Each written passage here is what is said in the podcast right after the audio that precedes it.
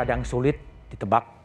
Usai pemilu presiden 2019, Presiden Jokowi mengajak pesaingnya Prabowo Subianto sebagai Menteri Pertahanan dan kemudian mengajak calon wakil presiden Sandiaga Uno masuk dalam kabinet. Dua tahun kemudian, Partai Amanat Nasional masuk juga dalam barisan koalisi.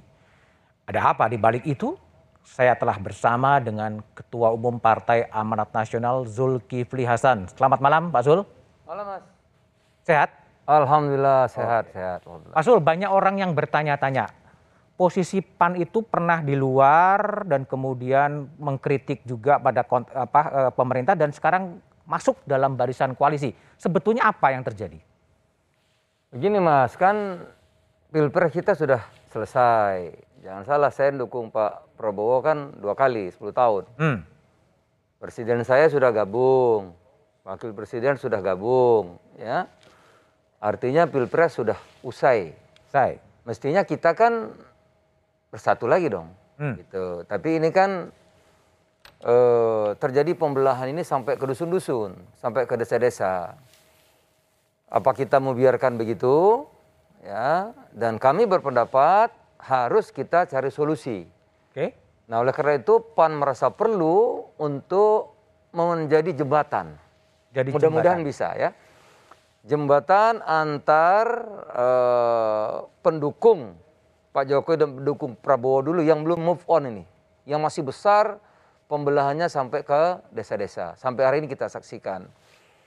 Nah, kita menjadi jembatan agar eh, persaingan dalam tanda kutip Pilpres itu segera kita akhiri. Oke. Bahwa nanti akan bersaing lagi silahkan. Nanti 2024 itu silahkan. Tapi pertanyaannya, apakah PAN udah memang strategi politiknya memang sudah diajak lama bergabung atau gimana sebetulnya? Ini sikap PAN. Hah? Ya, sikap saya sampaikan kepada Pak Presiden beberapa kali karena walaupun saya tidak mendukung, Hmm? saya punya hubungan baik dengan Pak Jokowi. Oleh karena itu agak sering eh, saya memberikan saran-saran, gagasan ya. Saya kira mungkin disambut dengan baik. Nah, oleh karena itu eh, pada suatu kesempatan saya juga menyampaikan kita mendukung pemerintahan. Dan mendukung pemerintahan dalam artian minta izin kepada Pak Presiden agar saya atau Partai Amanat Nasional ini bisa menjadi jembatan antara kelompok-kelompok yang berbeda. Karena begini, kita ini memang sudah 70 tahun merdeka, Hmm. tapi kita mesti mengokohkan, menguat kembali janji kebangsaan kita itu, Bung. Oke. Kita ini mengaku bersaudara, Hmm. tapi kenapa harus saling menyakiti gitu? Oke. Nah, oleh karena itu eh, persatuan ini harus terus menerus kita kita eh, perkuat, Gaungkan. Kita galakkan, kita sosialisasikan, kita bangun. Eh, walaupun 70 tahun, tetapi kan kita sejarahnya kita ini bangsa-bangsa eh, memang bineka. Tapi ingat, bineka ini kita sudah tunggal ika gitu ya. Oke. Dan ini perlu terus-menerus kita eh, perkokoh, kita perkuat Hmm. janji-janji kebangsaan kita itu. Ya kalau kita lihat sekarang ini kan tentu eh, kita tidak ingin eh, apa namanya perpecahan sampai ke desa-desa itu. Kalau itu terjadi kita tidak bisa ke mana-mana gitu. Bang Jul, jadi Pak Jul kan sangat aktif dan intens berkomunikasi dengan Presiden Jokowi. Ya, Nah, kenapa baru sekarang kemudian eh, diumumkan resmi berkoalisi dan mendukung pemerintahan? sebetulnya kalau saya dari awal begitu selesai Oh, dari pilpres. awal? kan- iya, selesai. Dari awal ingin bergabung. Bukan, setelah, setelah selesai pilpres saya menyampaikan kita mendukung pemerintah agar pemerintah sukses dalam membangun soal pilpres nanti kita bersaing lagi pada 2024. Hmm. Nah kalau saya mau cerita, Bung, memang kemarin saya diundang ya, diundang. Tapi undangan itu kan memang di sana sudah ada partai-partai koalisi ya. Hmm. Tapi presiden tidak bicara koalisi. Presiden menyampaikan penanganan COVID, perkembangannya, masalah ekonomi, eh, kemudian eh, hubungan pemerintah pusat dan daerah yang kadang-kadang tidak mudah sehingga kita tidak cepat ya. Kemudian partai-partai menyampaikan tanggapan. Jadi tidak bicara koalisi, tidak bicara amandemen, tidak bicara reshuffle. Ini kadang-kadang Karena terlalu banyak orang yang nggak dibicarain. ya kadang-kadang bukan, kadang-kadang di luar kan beda apa yang terjadi. Bukan karena terlalu banyak orang ya, harusnya apa dalam close door meeting dibicarakan gitu ya. Oh, enggak, enggak juga. Memang juga? Hmm. itu enggak, enggak, enggak tidak bicara itu. Jadi eh, memang yang bersama-sama dengan koalisi sekaligus itu baru pertama kemarin. Oke. Tapi bahwa kami memberikan dukungan yang apa namanya kritis ya, yang betul tentu kita kita kita dukung penuh. Tapi kalau kita anggap kurang tepat, saya juga berkunjung ke Pak Hmm. Presiden, saya sampaikan. Tetapi secara eh, secara apa namanya, secara one on one gitu ya, kita sampaikan usulan-usulan kita seperti ini. Itu kira-kira Bung. Pak Jul, betul nggak sih kabarnya Pak Jokowi sendiri sudah mengusulkan kursi menteri kepada PAN, tapi PAN belum punya nama gitu ya? Kita belum pernah ngomong soal itu. Tapi betul nggak ada usulan itu? Enggak, enggak, enggak. Jadi reshuffle itu kami, saya kan mantan ketua MPR, sekarang masih wakil ketua MPR. Tapi Jadi- kan ketua umum PAN juga. Ya, tapi paham betul bahwa ini kewenangan presiden penuh. Terserah kepada beliau lah. Tapi PAN menyiapkan kader-kadernya. Begini, Bung, posisi kita tidak meminta, tapi kalau ditugaskan, kader PAN tuh banyak. Untuk ke- untuk merah putih, silahkan saja. Gitu. Tapi sudah ada minta penugasan itu? Diminta menyodorkan siapa kader PAN yang akan duduk di kabinet? Belum. Belum. Belum? Belum. Tapi sudah disodorkan? Belum. Belum juga? Belum. Tapi betul kalau Pak Jokowi minta Bang Zul sendiri jadi menteri, betul nggak sih? Wah, enggak begitulah. Nggak begitu tuh kira rumus pertanyaan saya yang salah atau gimana? Eh, ya tidak begitu ya. Jadi kita mendukung tidak minta menteri atau tidak dan tidak pernah bicara seperti itu. Jadi betul-betul mendukung Yang mendukung kan bukan baru baru sekarang, sudah mulai selesai pilpres. Cuma waktu itu memang di PAN kan Bung tahu kita banyak eh, apa namanya kader ya, ada pendapat yang berbeda-beda. Nah kemudian setelah kongres lah baru itu saya kira di PAN itu bulat ya eh, dukungan kepada eh, pemerintah kepada Pak Jokowi itu bulat setelah kongres kita di Kendari pada waktu itu gitu. bulat mendukung pemerintah. Ya, tidak ada perbedaan lagi di internal. Bulat. Dan itu sudah melalui Rakernas kemarin, semua eh, PAN seluruh Indonesia menyerahkan kepada Ketua Umum untuk mendukung penuh pemerintahan Pak Jokowi agar sukses Hmm.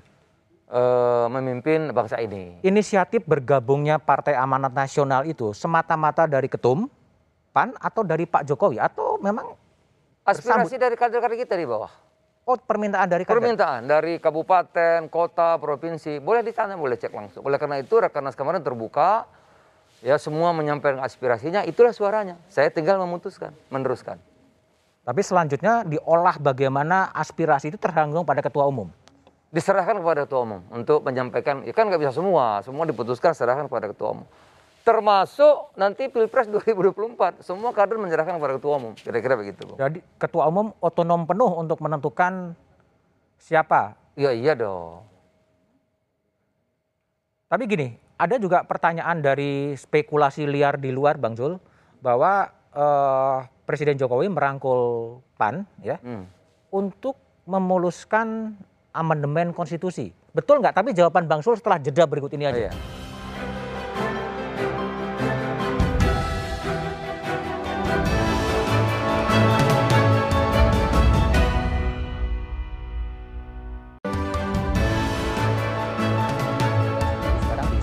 Saya ada pengamat politik Muhammad Kodari. Selamat malam Bung Kodari. Selamat malam Bang. Dan kemudian ada di melalui sambungan Zoom Wakil Ketua MPR Politisi PDI Perjuangan Ahmad Basarah. Selamat malam Basarah. Selamat malam Bung Budiman, Ya, Oh, dan Pak malam. Basara, selamat malam. Pak Assalamualaikum. malam. Jul, Ya, Pak Kodari, Pak Sari Hasan, selamat malam semua. Dan kemudian ada juga Wakil Ketua MPR Politisi Partai Demokrat Sarif Hasan. Selamat malam Pak Sarif.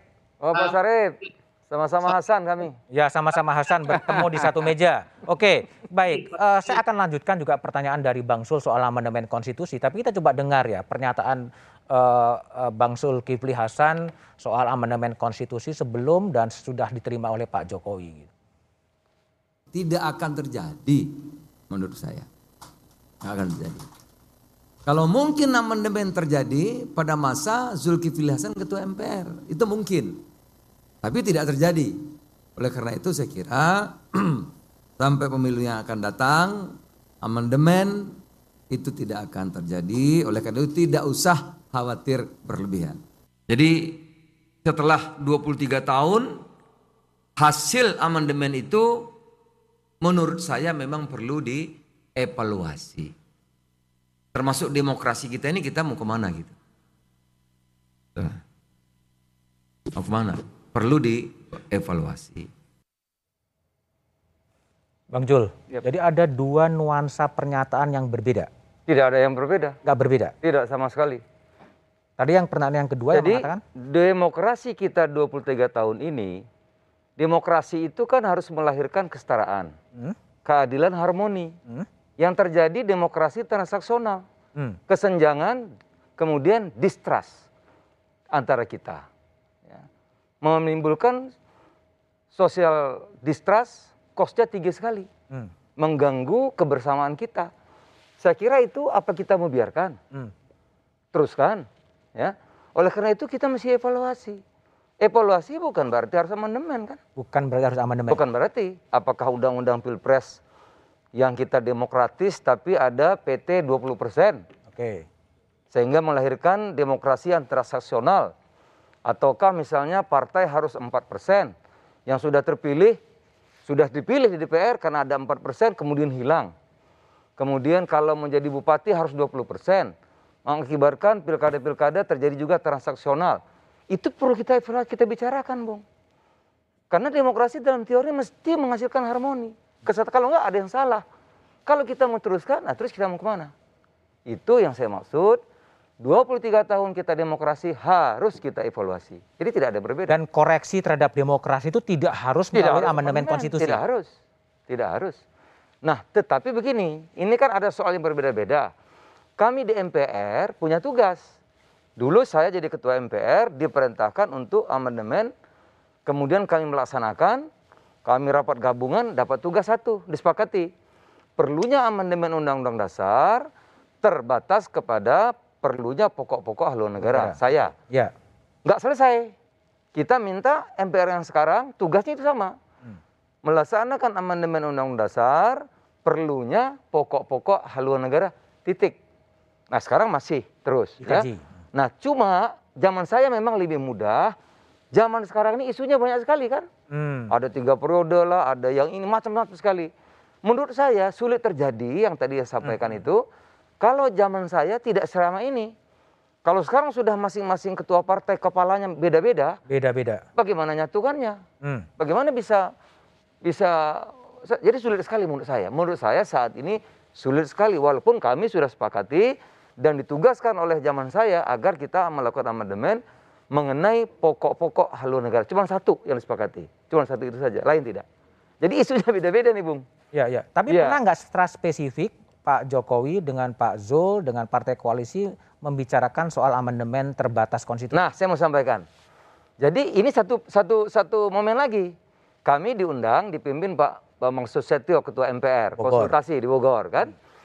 Memang dalam forum itu ada Pak Sri Hasan. Pak Sultan tanya, Pak, bagaimana pendapat Bapak mengenai amandemen undang-undang untuk tiga periode? Hmm. Pak Jokowi jawab, kok saya terus yang disalahkan? Hmm.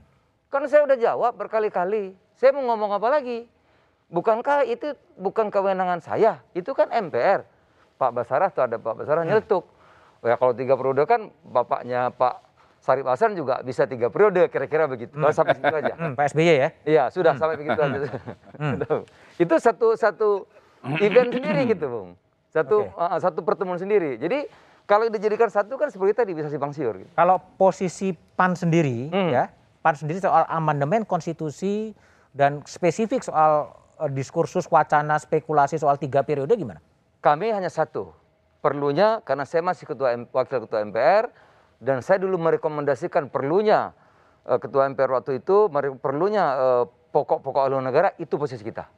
Kalau pokok-pokok haluan negara Titik, dan jalan, titik nggak pakai koma. nggak pakai koma. Ya titik. Harus berjalan tahun ini. Eh, itu ta- kesepakatan kita. kesepakatan kita. Iya, saya ketua MPR merekomendasikan sekarang wakil ketua MPR. Jadi itu mesti kita, kita pegang. Oke, baik. Saya ke Wakil Ketua MPR dari PDI Perjuangan, Ahmad Basara. Mas Bas, jadi posisinya adalah ini ketua tadi sebut ya di off air bahwa pimpinan MPR-nya banyak harus meninggalkan legacy. Artinya memang amandemen konstitusi akan terjadi pada periode ini. Ya, sebenarnya kami bersepuluh Hmm. telah berkomitmen sebagai satu-satunya periode pimpinan MPR yang jumlah pimpinannya terbanyak dalam sejarah terbentuknya MPR, Oke, yaitu 10 orang. Kita ingin meninggalkan legasi yang baik oke. bagi keberlangsungan kehidupan berbangsa dan bernegara kita. Hmm.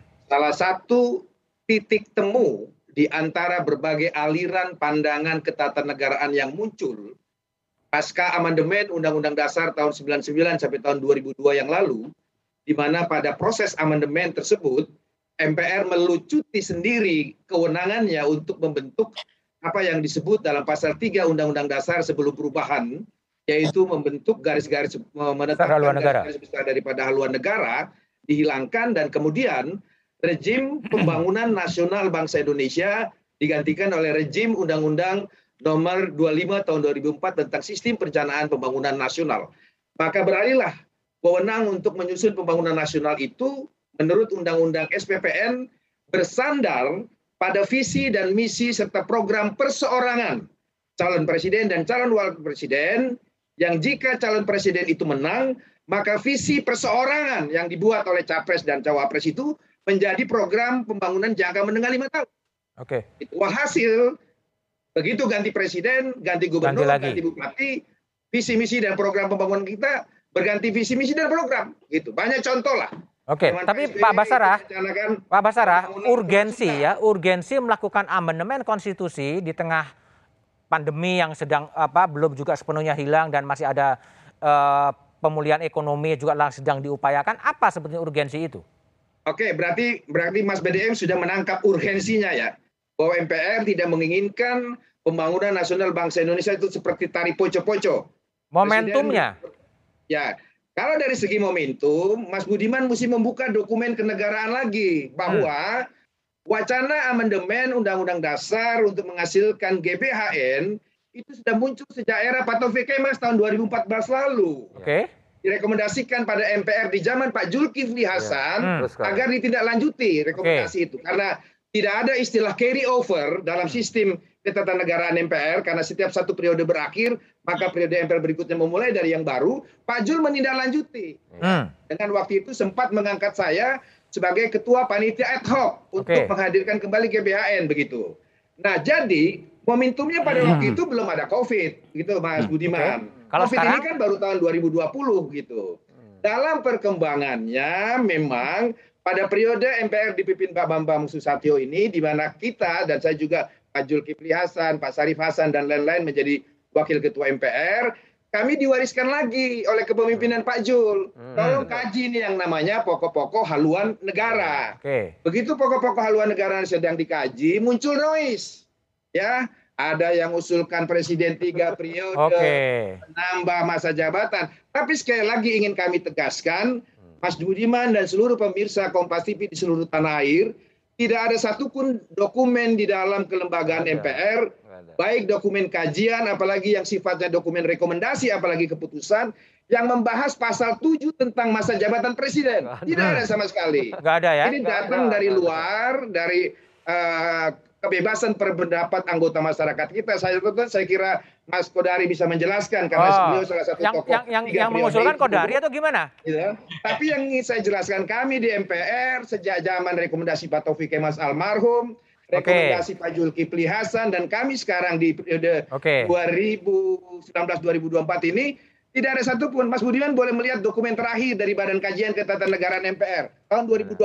Baik. Yang direkomendasikan itu hanya satu, PPHN, PPHN. Pokok Haluan Negara. Ya. Gitu. Tidak ada sama sekali. Oke, gitu, baik, Mas Budiman. Baik, Pak Bas, saya pindah ke Pak Sarif Hasan. Pak Sarif Hasan, uh, Wakil Ketua MPR dari par, fraksi Partai Demokrat.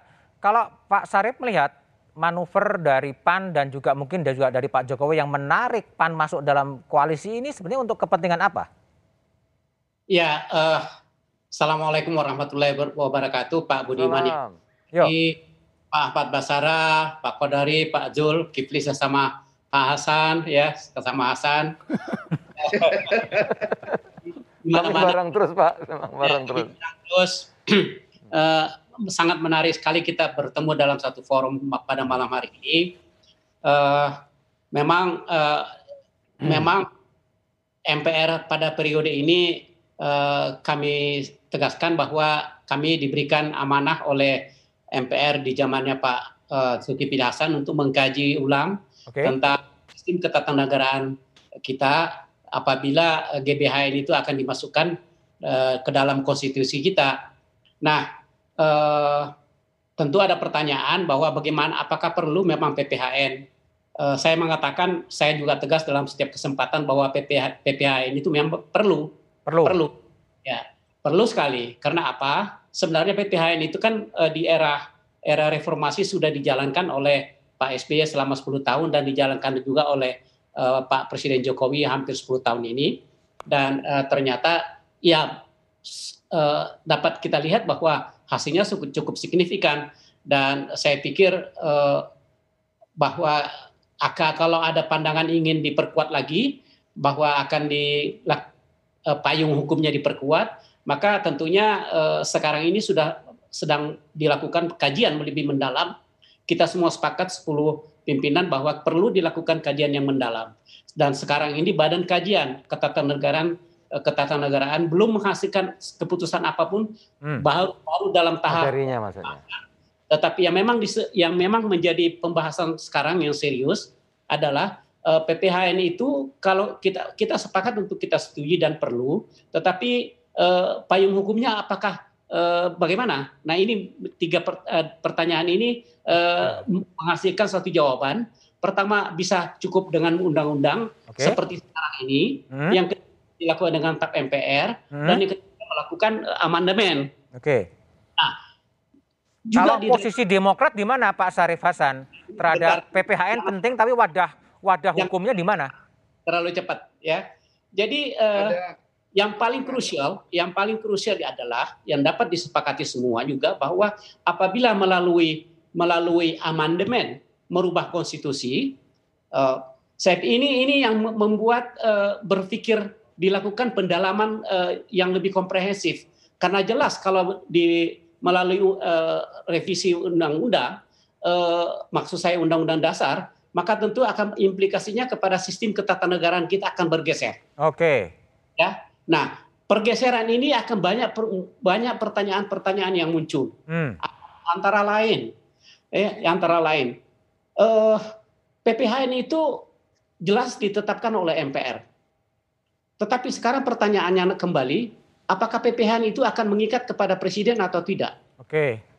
Nah, kalau dia kalau dia tidak kalau tidak mengikat, artinya kalau tidak kalau uh, eh, PPH ini dijalankan oleh presiden dan tidak terja dan uh, uh, tidak di, tercapai uh, sesuai dengan yang digariskan oleh PPHN, maka tidak ada konsekuensinya kalau tidak mengikat. Nah, tentu jawabannya jelas. Dan kalau tidak ada konsekuensinya, buat apa dibikin? Hmm. Oke. Okay. Ya kan? Nah, yang kedua, Sediman, boleh yang, saya tambahkan? Silakan, silakan, Pak Bas. Mohon izin Pak Sarif ya. Memang di MPR sendiri kita memiliki titik temu di semua fraksi sama-sama memerlukan GBHN yang sekarang istilahnya PPHN. Ya. Terjadi dinamika memang.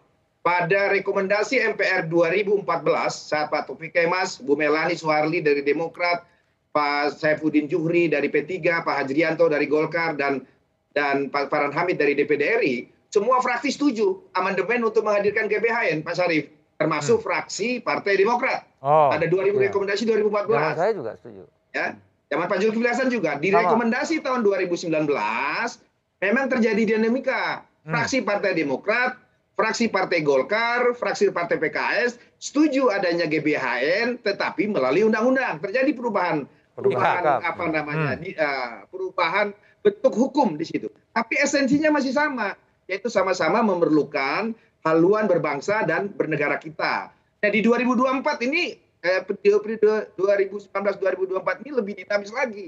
Begitu muncul banyak noise, termasuk oh. isu tiga periode, ini bisa jadi PDI Perjuangan yang menarik diri oh. untuk tidak memaksakan untuk tidak memaksakan amandemen Undang-Undang Dasar di periode ini. Hmm. Mengapa demikian?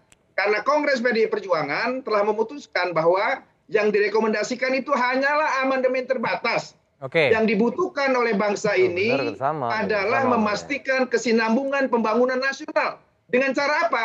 Menyiapkan roadmap pembangunan nasional yang menengah dan jangka panjang okay. dengan payung hukum TAP MPR, bukan dengan undang-undang. Sehingga yang diperlukan adalah perubahan undang-undang dasar untuk memastikan roadmap pembangunan nasional, bukan dengan cara menambah masa jabatan presidennya. Oke, Jadi baik. oleh karena itu kalau di 2019 ini ada dinamika Partai Demokrat berbeda dari rekomendasi 2014, setuju GBHN dengan amandemen, tapi di 2019 setuju GBHN dengan undang-undang, di 2019-2024 ini bisa saja PDI Perjuangan yang berubah sikap. Kita tidak ingin lagi memaksakan amandemen Undang-Undang Dasar untuk menghadirkan pokok-pokok haluan negara jika disusupi okay. oleh kepentingan-kepentingan pihak tertentu untuk merubah pasal-pasal lain. Hmm. Begitu saya kira Mas Budiman. Oke, baik. Saya akan ke Kodari saja ya. Ini kan uh, wakil ketua MPR Pak, sudah sepakat dengan ya. Jadi, Mas, saya belum saya belum selesai. Oke, silakan. Farid, coba. Dipotong soalnya. Ya, silakan. Saya, saya menggoda Pak Kodari itu biar dia ya, mengeluarkan ya, Kodari saya beri. Pak Sarif silakan diselesai, diselesaikan. Ya, karena karena karena berubah akan merubah sistem ketatanegaraan kita dan begitu banyak persoalan yang muncul. Ya. Katakanlah DPD. DPD akan juga menuntut bahwa inilah kesempatan dia untuk mengubah. Untuk kalian merubah lakukan Peran. perubahan. Dan kalau hmm. perubahan yang diminta dia minta agar DPD itu equal dengan DPR. Oke. Okay. Nah ini Nah, belum lagi seperti yang ini disampaikan hmm. oleh Pak Ahmad Basara tentang masa periodisasi presiden, kemudian bisa tiga periode, bisa kemudian lima tahun, yang lari lima tahun bisa delapan tahun, delapan tahun dan sebagainya. Oke. Okay. Nah, ini secara jelas akan merubah sistem ketatanegaraan. Baik. Sementara sisi lain, kita sudah pernah melakukan uh, eh, GBHN ataupun uh, PPHN itu bisa dengan undang-undang dan ternyata cukup cukup, cukup efektif. Jadi justru itulah kami mengatakan Partai Demokrat sekali lagi mengatakan ya kami menolak karena dengan segala konsekuensi ketatanegaraan kita akan berubah. Karena apa? Di dalam melakukan perubahan Anda undang-undang uh, undang-undang dasar itu memang di pasal 37 sudah ada aturannya yang baku. Bagaimana untuk melakukan perubahan. Tetapi jangan lupa berdasarkan pengalaman bahwa undang-undang dasar pun berdasarkan konvensi nasional juga bisa bisa terjadi.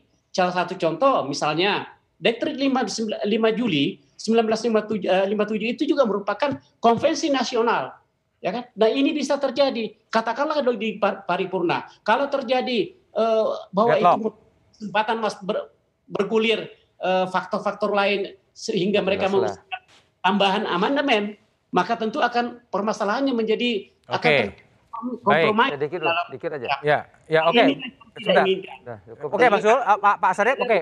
Bang Bang Bang Zul silakan. Jadi tadi saya sudah sampaikan jauh hari. Hmm? Kalau mungkin amandemen di zaman saya. Sekarang udah nggak mungkin. Hampir mustahil. Hampir mustahil. Hampir mustahil. Meskipun pimpinan MPR-nya 10 kata Pak Bas. Hampir mustahil. Oke, baik. Saya akan ke Pak Kodari. Yeah. Ya. Uh, Kodari, jadi ini kan menarik nih tarik menarik hmm. dari apa? Tadi PDI Perjuangan akan mundur kalau jadi tiga periode yang promotornya adalah Kodari iya, kan. Iya, iya, iya. Tapi apakah memang ada jaminan ya kalau yeah. ketika pintu amandemen konstitusi dibuka itu betul-betul hanya PPHN, tapi analisisnya setelah jeda berikut ini.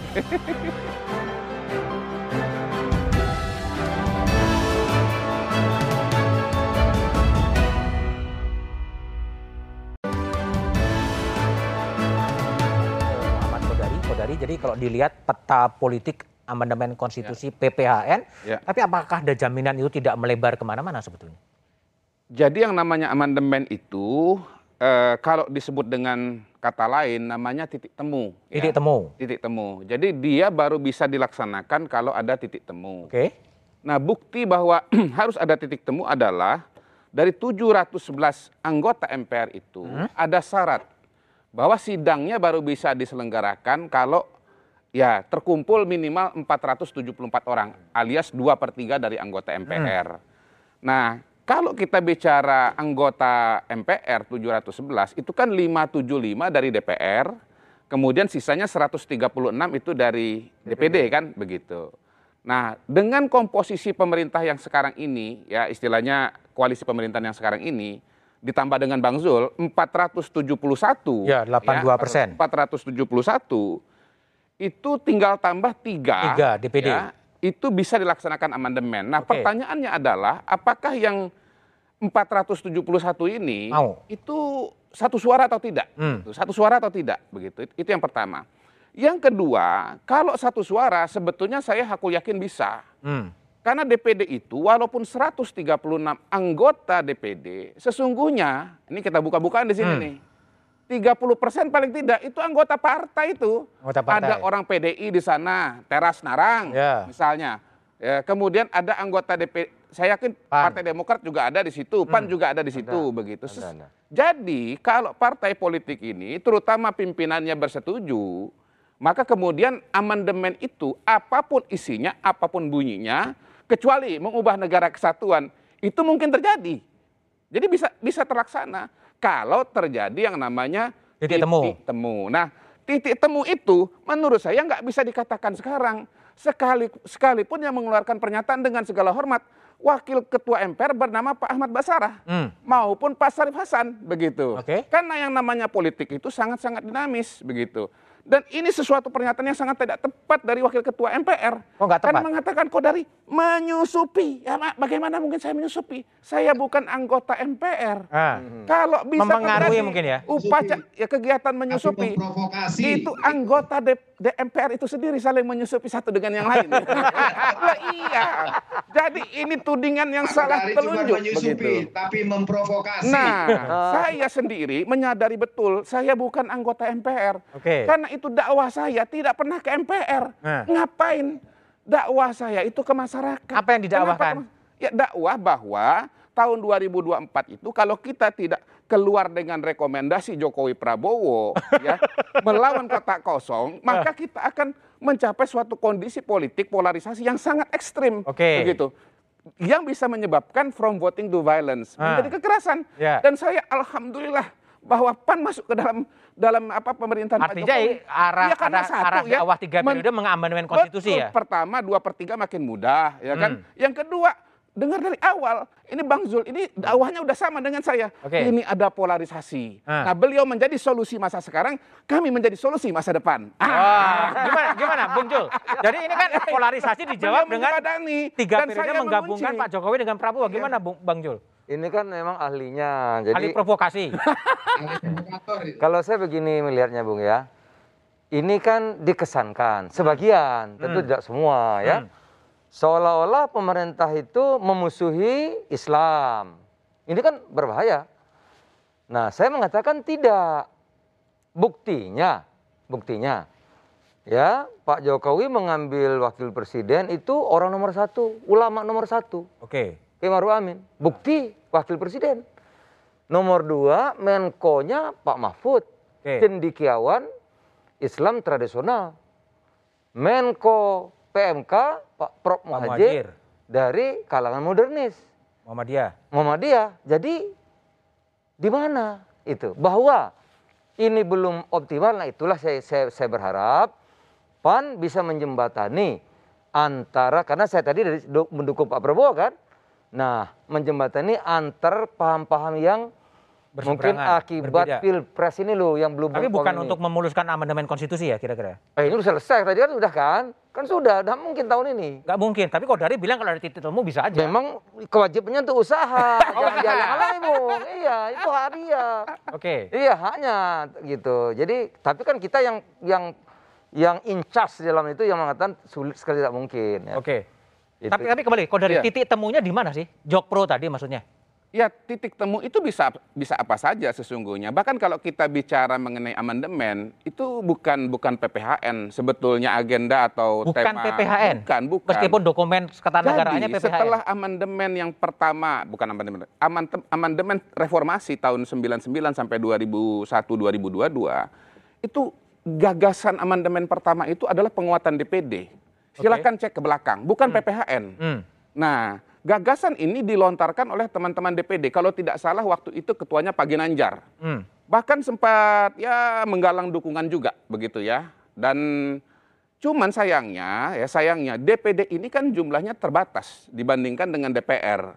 Pada saat itu Gayung tidak bersambut tidak terjadi titik temu. Okay. Nah, tidak terjadi titik. Nah, titik, titik temu. temunya di mana kalau amandemen konstitusi menurut Anda? Kalau sekarang ini, ah. sementara ini titik temunya ada di PPHN. PPHN. PPHN. Ah. Nah, saya karena karena bicara mengenai mengurangi menghilangkan polarisasi, okay. memasukkan kembali jin dan hantu ya politik identitas ke dalam botolnya yang ah. terlanjur keluar 2017 okay. kemarin. Ah gitu ya. Jadi ini untuk kebaikan bangsa, hmm. Bapakku hmm. Ahmad Basarah.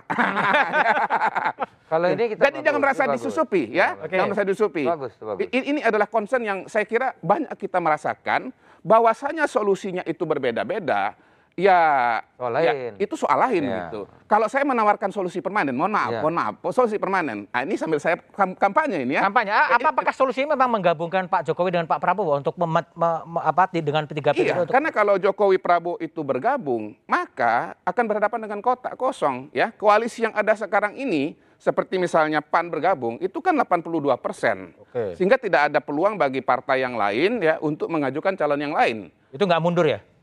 Mundur bagaimana? Maksudnya? Mundur dari demokrasi sudah dibangun menjadi kotak kosong dan sebagainya itu. Tergantung definisi mengenai demokrasi. Kalau saya memanai demokrasi itu pada dasarnya satu adanya kontrol. Okay. Ya. Yang kedua kemudian adanya jaminan terhadap hak asasi. Hmm. Kalau lawan kotak kosong kan masyarakat masih punya pilihan. Kotak kosong Apakah dalam bayangan memilih... Kodari itu semua partai koalisi bergabung betul. dan mencalonkan presiden sehingga betul. Demokrat dan PKS berada di luar kayak bisa mencalonkan. Betul, betul. Itu yang terjadi. Betul, tetapi okay. rakyat masih punya pilihan apakah mau pilih pasangan Jokowi Prabowo atau memilih kotak kosong. Okay. Tetap ada resiko walaupun okay. saya yakin tetap menang karena kepuasan kepada Pak Jokowi bisa ditanya pada Pak Ahmad Basarah tinggi. di atas 50% tinggi. Oke, okay. baik. Gitu. Baik, Pak Sarif Hasan, mungkin nggak imajinasi seorang Kodori itu terjadi?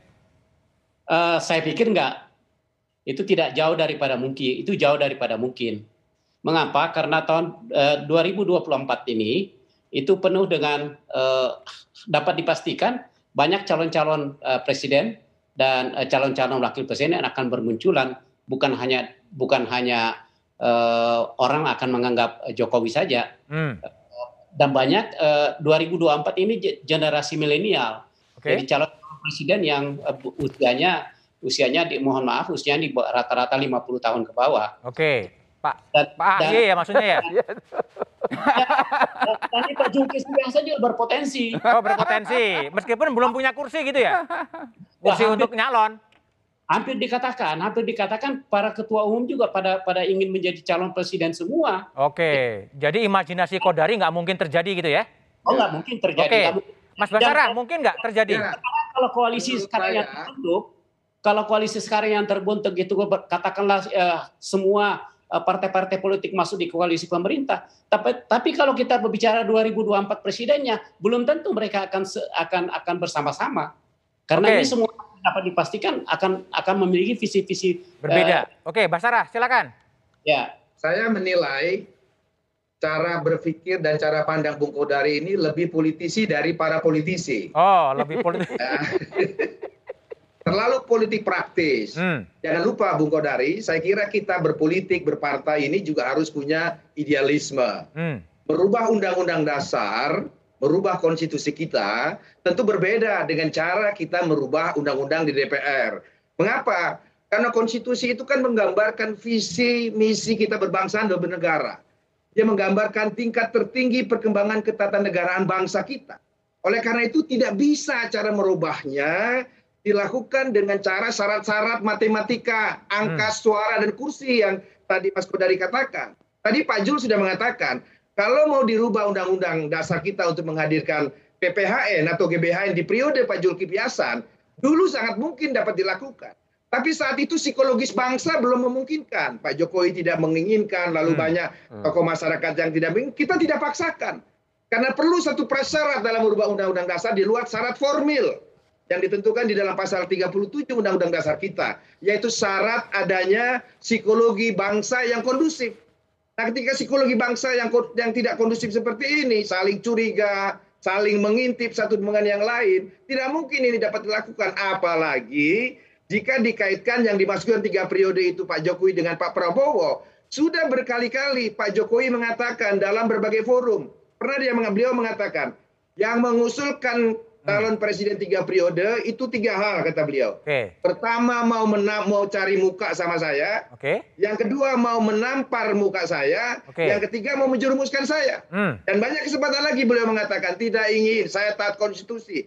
Sisi lain partai-partai pendukung Pak Jokowi termasuk Ibu Megawati sendiri ketua umum saya mengatakan Baskara perintah saya kepada kamu sebagai wakil ketua MP dari fraksi PD Perjuangan adalah memperjuangkan amandemen terbatas. Sebut itu amandemen terbatas oh, dalam satu tarikan nafas. Yaitu sekedar menghadirkan wewenang MPR untuk menetapkan kembali garis-garis besar daripada haluan negara, pokok-pokok haluan negara atau sebutan lain. Kalau ada yang lebih dari itu, jangan kamu lanjutkan. Begitu. Okay. Nah, maka begitu ada noise seperti ini tiga periode dan segala macam, mendingan tidak. Memberikan arahan kepada saya, kalau situasinya tidak kondusif begini, lebih baik jangan dipaksakan dilakukan amandemen pada periode ini. Jangan Karena dipaksakan. kita tidak boleh membohongi rakyat. Okay. Kita sudah ngomong amandemen terbatas, tidak boleh ditambah pasal lain. Nah, jadi kalau Pak Jokowi sudah tidak mau, partai pengusungnya tidak mau, Pak Jul, Golkar dan lain-lain tidak mau. Lalu isu tiga periode itu sebenarnya kepentingan siapa? Ini Mas Kodari mesti menjawab ini sebenarnya. Oke, nanti Kodari akan ini jawab ya. ya, tapi, ya. tapi saya akan ke apa Pak Zul sendiri dulu ya. ya. Artinya uh, Pak Zul, setelah kemudian bergabung ke pemerintah, berkoalisi, apakah memang kemudian PAN akan bersikap kritis terhadap pemerintah atau betul-betul menjadi ya udah mendukung aja apa yang dikatakan oleh pemerintah? Tapi jawaban Pak Zul setelah jeda berikut ini. Baik.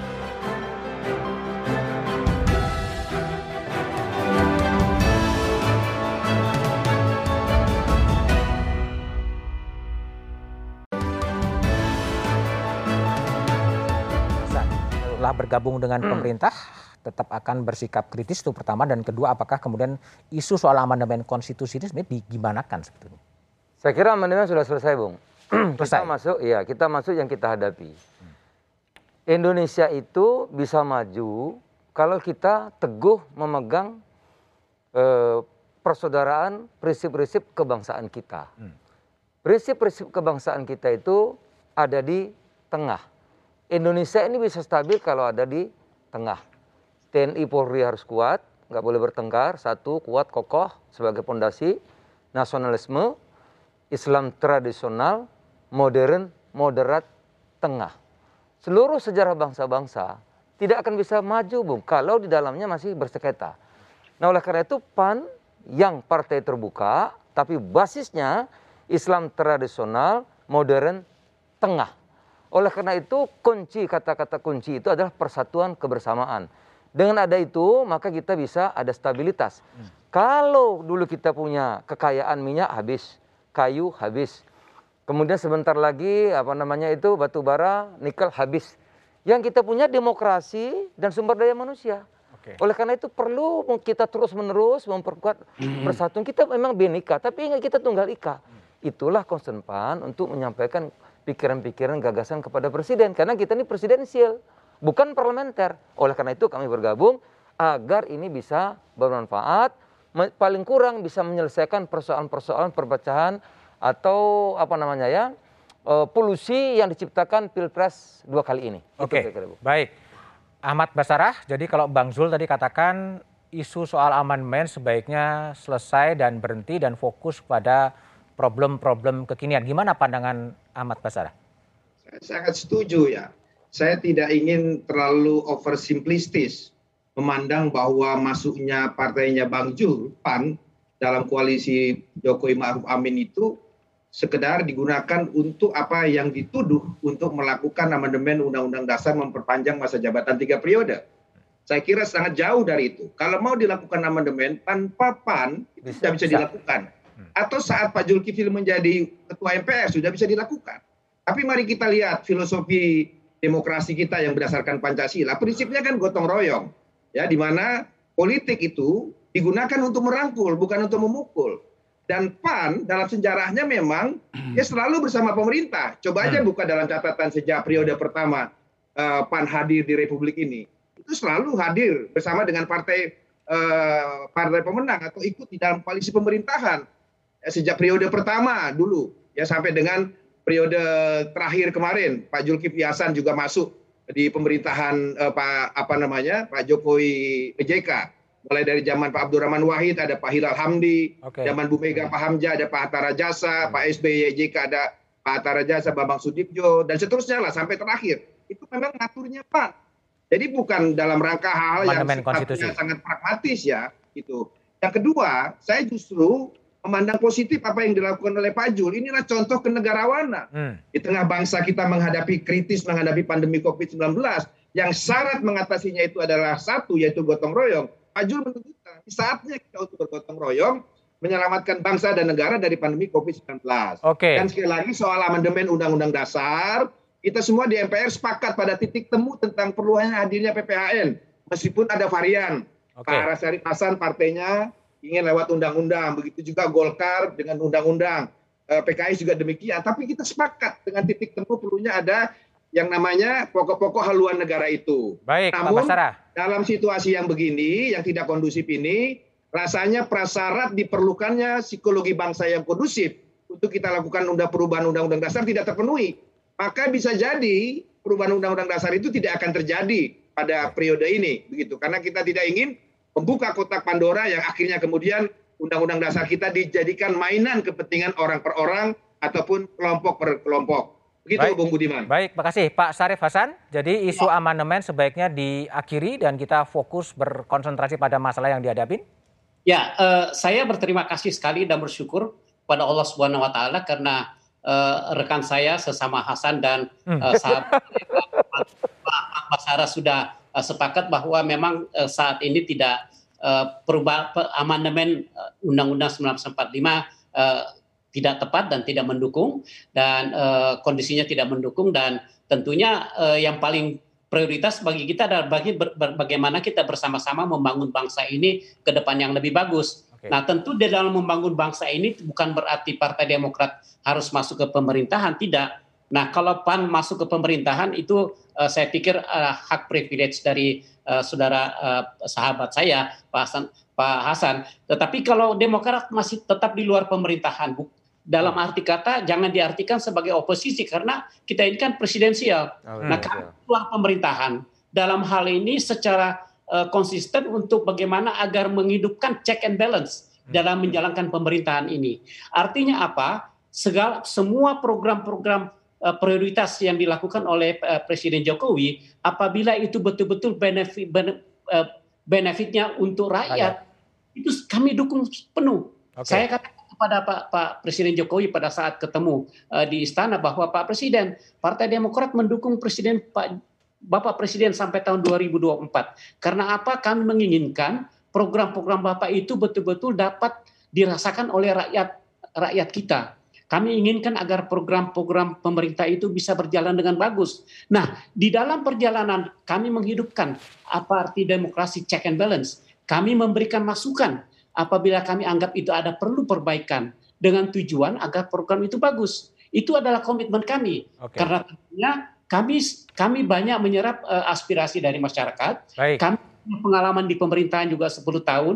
Kami tahu apa yang dibutuhkan oleh rakyat, kami tahu apa yang sebenarnya secara esensial yang dikehendaki oleh rakyat sehingga kami bisa uh, memberikan masukan juga kepada pemerintah ini. Baik. Bagaimana program-program pemerintah itu bisa ya, bisa uh, Nah itulah komitmen Partai Demokrat. Baik. Bung Kodari, ya, ya. ya Bung Kodari, jadi, jadi gimana? Apakah memang case close saja uh, isu amandemen konstitusi dan berfokus oh, pada? Tidak dong, tidak. Karena begini, apa yang saya sampaikan ini adalah akumulasi dari banyak hal. Hmm. Pertama, saya membaca buku judulnya From Voting to Violence ya. From Voting di mana, to Violence. Ya, di mana ya pemilu itu kemudian menjadi konflik dan itu buku udah lama. Hmm. Uh, 2000 tahun 2000-an lah. Kalau Pak, Pak Ahmad Basara belum baca kan bukan salah saya, salah hmm. beliau kan itu pertama.